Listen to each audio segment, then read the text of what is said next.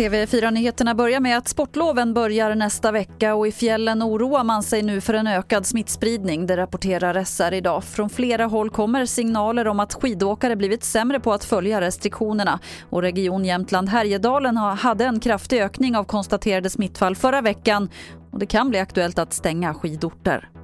En tvåårig flicka har avlidit i en brand i en villa i Gullspång i natt. Polisen tror att branden började i samband med att man eldade. Det skriver flera medier. Flera personer ska ha funnits i huset och en av dem har förts till sjukhus med okända skador. Vi hör Ulf Seglet på räddningstjänsten.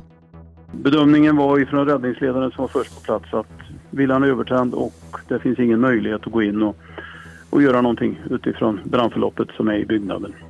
Sist kan vi berätta att nu reagerar polisfacket efter att Kalla fakta berättat om att två kvinnliga poliser blev utfrysta efter att ha berättat att de blivit utsatta för sexism.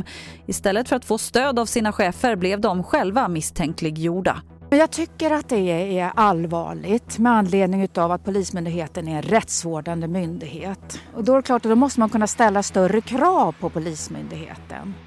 Det sa Lena Nitz som är ordförande i Polisförbundet. Och det var det senaste från TV4 Nyheterna. Jag heter Lotta Wall.